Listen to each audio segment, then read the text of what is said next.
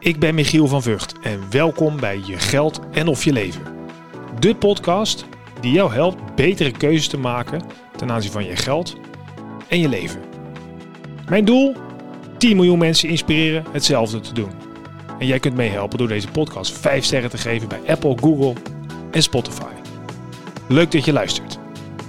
Deze podcast is overigens mede mogelijk gemaakt door NNK Vermogensbeheer. Ja, wat leuk dat je weer kijkt of dus luistert ehm, naar de podcast Je Geld en Of Je Leven. Ik zit hier vandaag bij NNK om het te hebben over de financiële ontwikkelingen waar wij allemaal mee te maken gaan krijgen dit jaar 2023. En daarom heb ik uitgenodigd en zit tegenover mij Patrick van Erp. Goedemorgen. Fijn dat je er bent. Jij bent, ik heb het opgeschreven, trainer, auteur en ontwikkelaar van content bij Dukers en Balemans. Helemaal goed. En uh, ja, eigenlijk ik ken je al langer. Je bent expert als het gaat om actuele financiële zaken. Dus het leek mij ontzettend interessant om vandaag in twee delen ja. um, met jou te gaan praten over wat nou alle aanpassingen en veranderingen zijn uh, in onze privésituatie als particulieren. En in deel 2 straks meer de ondernemer ja. erbij te gaan pakken. Dus, nou ja, ik weet, voor, voor jou zal het een drukke tijd geweest zijn na Prinsjesdag. Dat klopt inderdaad. Want uh, hoe werkt het? Vertel eens. De Prinsjesdag, ik, ik volg jullie. Dukes Balen was een grote opleider in Nederland voor financieel professionals. En ik krijg ongeveer de dag na Prinsjesdag al een special van jullie. Ja. Dus jullie de hele nacht werken, alles door te rekenen. En, uh... Het is een sport om zo snel mogelijk je abonnees te informeren wat dat betreft. Dus we maken er echt een race van om die Prinsjesdag special, het liefst de dag erop, maar zeker dezelfde week nog te presenteren. Dus dat is altijd druk.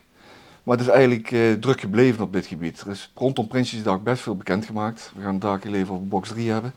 Van maatregelen waarvan we dachten toen we die Prinsjesdag special aan het uitwerken waren. Van goh, theorie en praktijk. Hoe gaat dit dadelijk langs elkaar lopen? Dus we waren heel erg benieuwd van alle aangekondigde maatregelen in Belastingplan 2023. Wat gaat de Eerste Kamer daarvan vinden? Je krijgt dan eerst een heel debat in de Tweede Kamer. Daar wordt een klap op gegeven. Dan moet de Eerste Kamer dan nog de klap opgeven. En ja. dat is eigenlijk pas gebeurd, als ik me niet vergis, de week voor kerst, ja, dinsdag, ja. 20 uh, december of zo. En op sommige punten ben ik echt verrast dat bijna alles, zijn wel wat moties aangenomen die in de toekomst uh, de zaak scherp moeten houden. Maar verder is het belastingplan er in één keer doorgegaan. Dat gebeurt niet altijd, hè? Nee, nee. nee. En zeker niet omdat er dit keer een belasting, of ja, niet zozeer belastingplan 2023, maar tegelijkertijd uh, een aantal wetsvoorstellen zijn ingediend die behoorlijk ingrijpend zijn. Ja, nou laten we maar gelijk eens even beginnen. Want wat voor mij de meeste impact heeft, en ik zit zelf natuurlijk ook in de financiële wereld, ik hoor er meer over Ja. misschien dan de gemiddelde luisteraar of kijker, maar is uh, natuurlijk de box 3 aanpassing. Ja, zonder meer. Echt een grote aanpassing. Misschien een klein beetje historie. Uh, er is de Hoge Raad uitspraak geweest. Ja. Kun je dat nog eens even toelichten? Uh, er is een vermogende particulier in Nederland geweest die uh, zijn vermogen voor een belangrijk deel op de spaarrekening had staan. Die werd sinds 2017 geconfronteerd met een wetgeving die zegt hoe meer vermogen je hebt, hoe meer rendement je geacht wordt te behalen. Ja. Want hoe meer vermogen je hebt, hoe meer je kunt beleggen. Dat hoeft natuurlijk helemaal niet. Je kunt niemand verplichten om te gaan beleggen. Nee. Die man is met zijn proces heel ver doorgegaan, is uiteindelijk bij de Hoge Raad gekomen.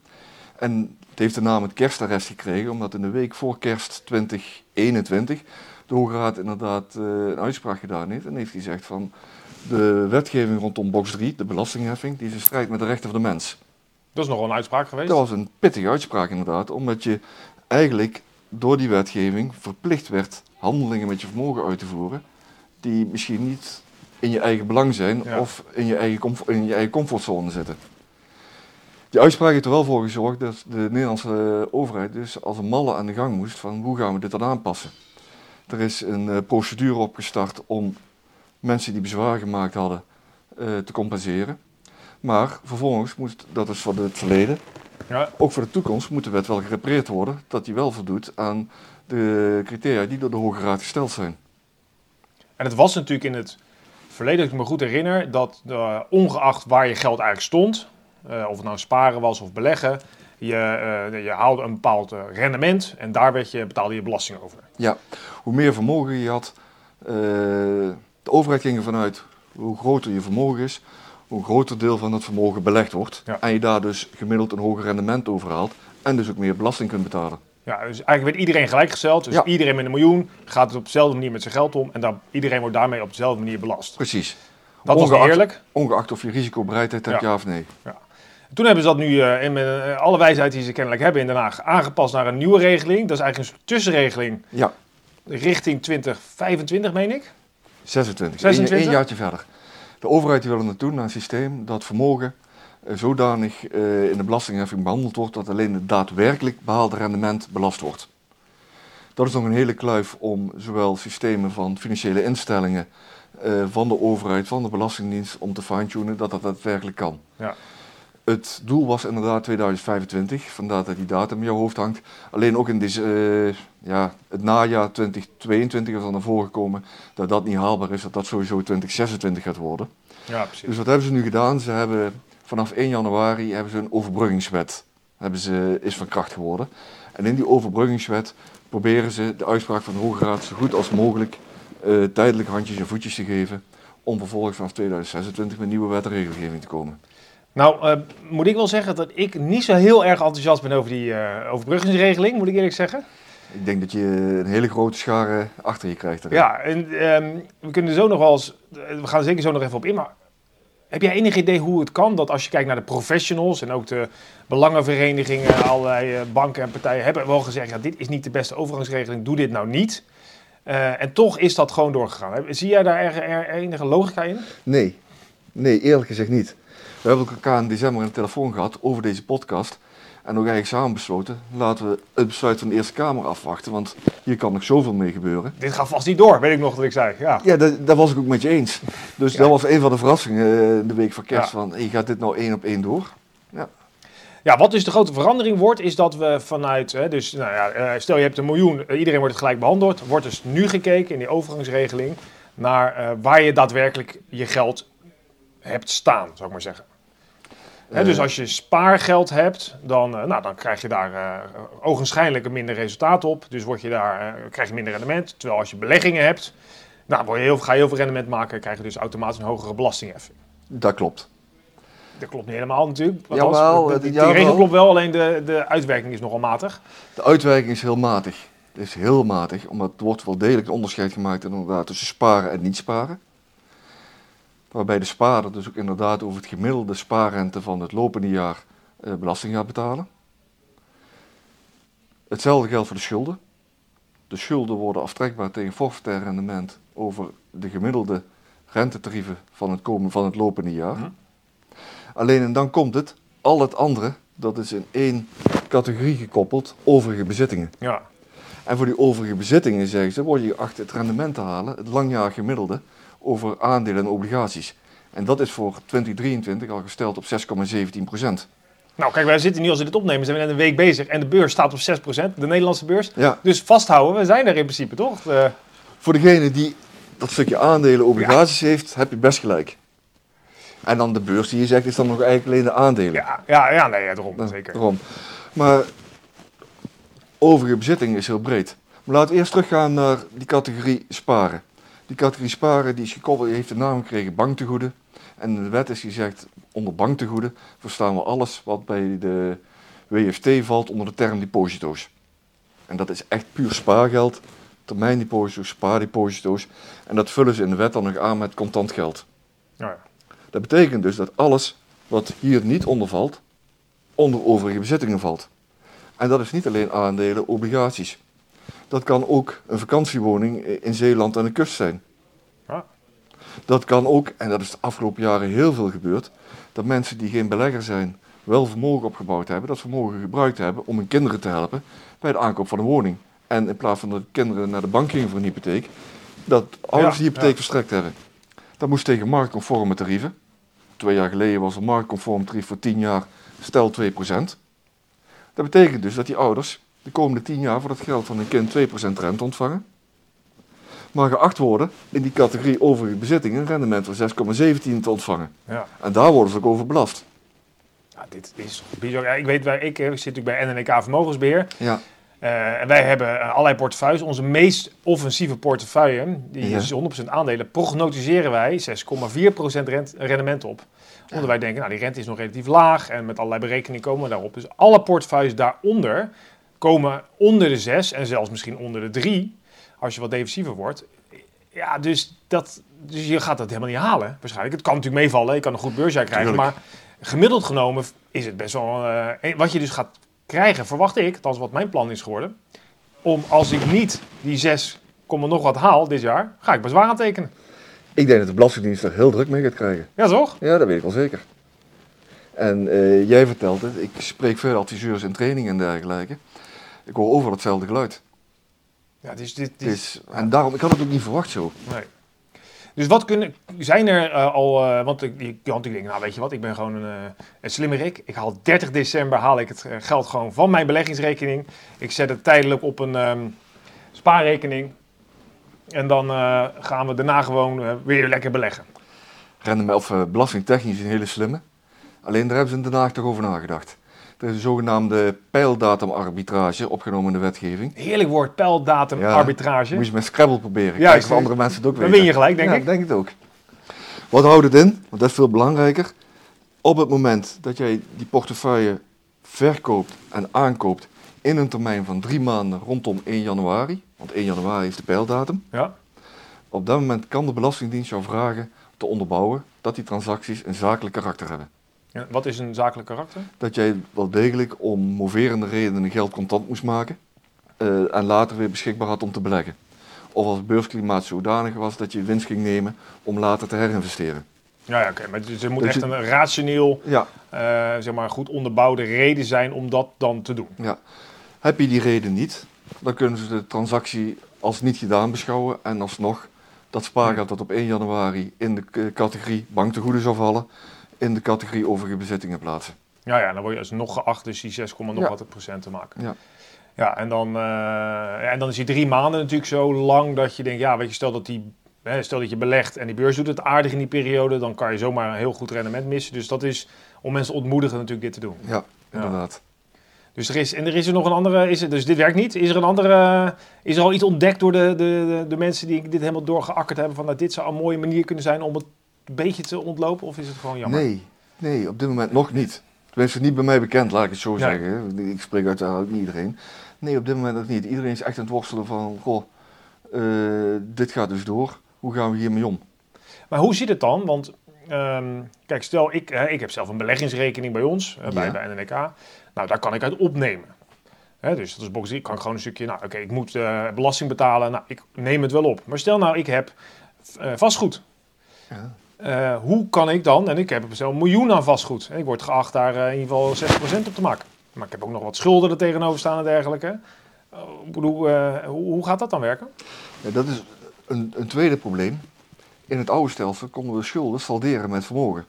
Ja, dus even, dat betekent volgens mij, ik heb een pand gekocht van 3 ton, daar heb ik een lening over aangegaan van 2 ton. Dus ik heb maar een ton aan vermogen wat ik aangeef. Even dat was eerst dat was het oude boxerie tot, ja. uh, tot de jaarwisseling. Even los van schuldendrempel. Dat was inderdaad ja.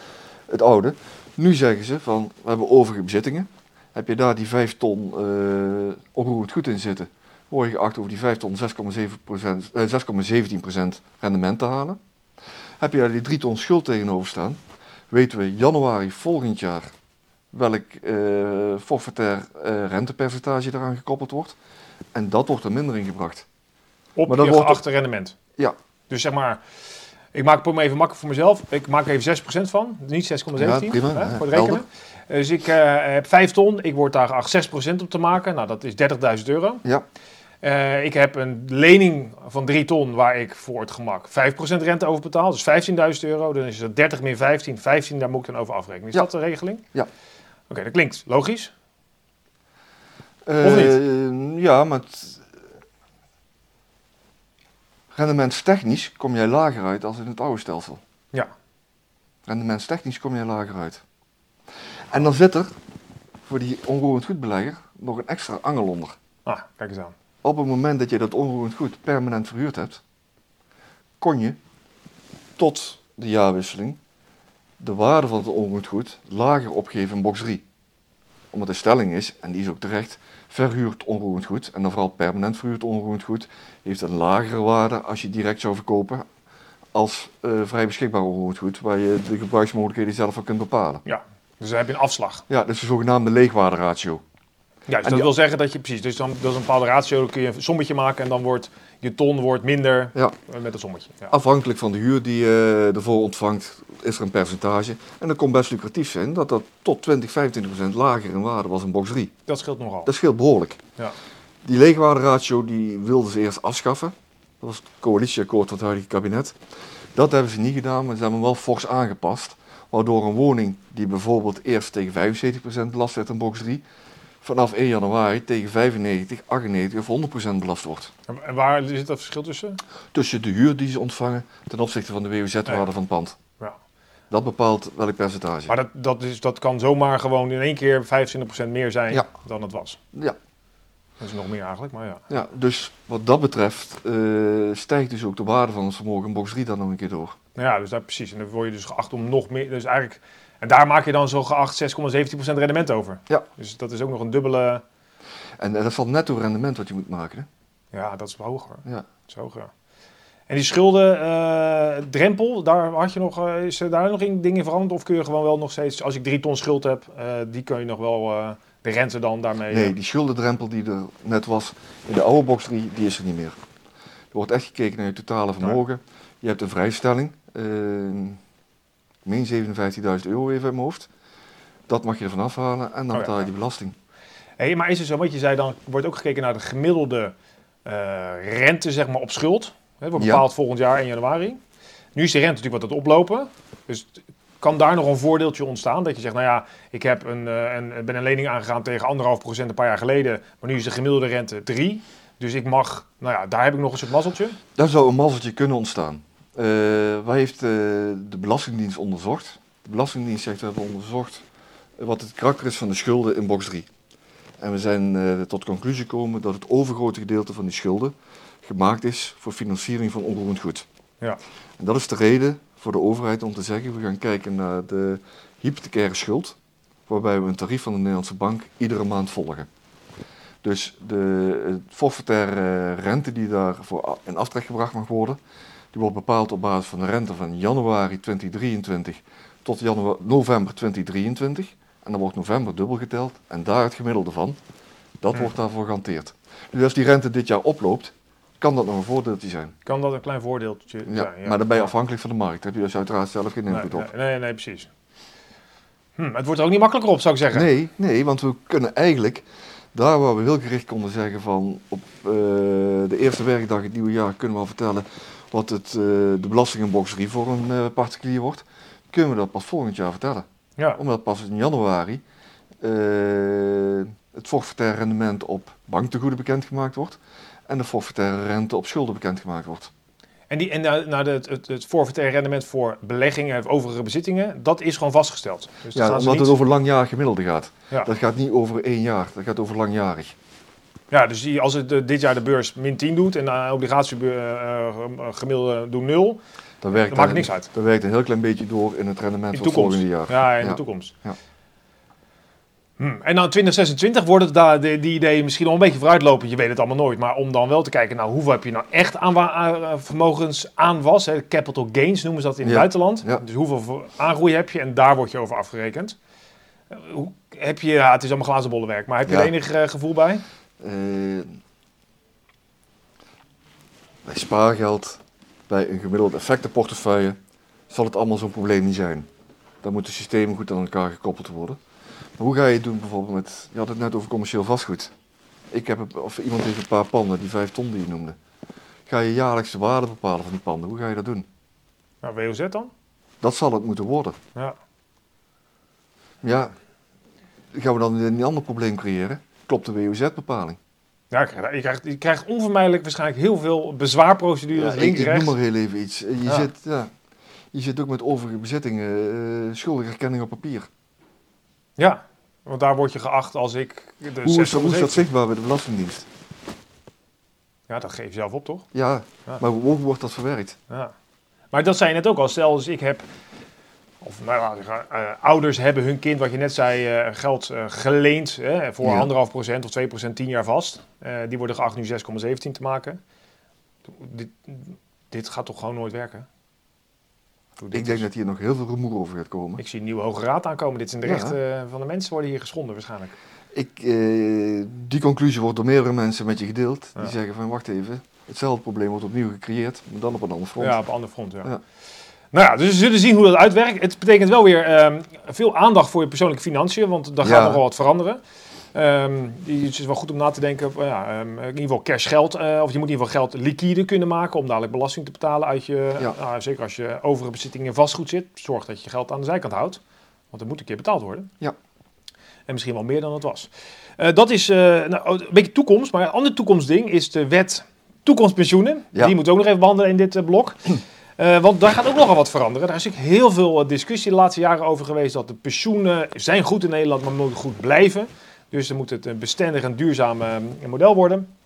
Ehm, dus eh, daar gaat in wat in veranderen. Kun, wat kun je daar al wat schetsen? Wat zijn de belangrijkste wijzigingen? Ja, het is een drukke week geweest voor de kerst. Want net wat jij zegt, eh, er wordt al jaren over gepraat. Ons huidige pensioenstelsel is te star, is niet flexibel genoeg en het is te duur. Het moet aangepast worden. Eh, en de Tweede Kamer heeft er in de week voor kerst een klap op gegeven dat de wet toekomstpensioen aan de Eerste Kamer voorgedragen kan worden. Als die het in het voorjaar goedkeurt, dan is het streven om 1 juli die wet in te laten gaan. Dan hebben pensioenfondsen en verzekeraars eh 3,5 jaar de tijd om te implementeren, zodat vanaf 2027 eh, de wet eh, definitief van kracht gaat. Belangrijkste dingen die erin gaan wijzigen, die daarin voorgesteld worden, is dat daar waar mensen nu nog een middelloonregeling hebben, dus eigenlijk een, een, een uitkeringsgarantie hebben, Nou, middelloonregeling, dat is... Je had een aantal regelingen. Vroeger was eindloon was de beste. De Ja. laatste salaris kreeg je 70% van. Dat was top. Nou, onhaalbaar natuurlijk voor de toekomst. Middelloon is meer het gemiddelde. Dat heb je Ja. gemiddeld verdiend. Daar krijg je een 70% van. En dat vervalt en dat gaat over naar... we gaan allemaal over wat de wetgever wil naar een beschikbare premieregeling. En dan kijk je in principe op basis van inkomen en leeftijd. Hoeveel mag er opzij gezet worden voor de oude dag. Nou, ook die leeftijdstafel die gaat verdwijnen. Die gaat ook weg. Het worden gewoon vaste tarieven en iedereen die gaat zijn eigen pot opbouwen.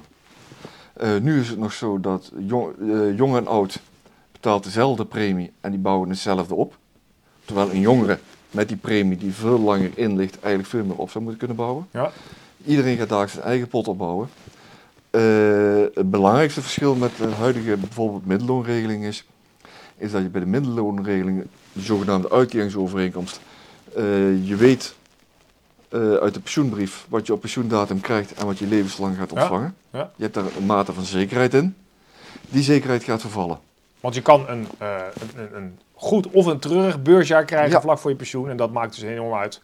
Je beleggingsbeleid maakt heel veel uit. Ja. Dus daar gaan we als financieel adviseurs ook eh, een extra taak voor krijgen. Dat we zorgen dat op tijd ook risico's afgebouwd worden.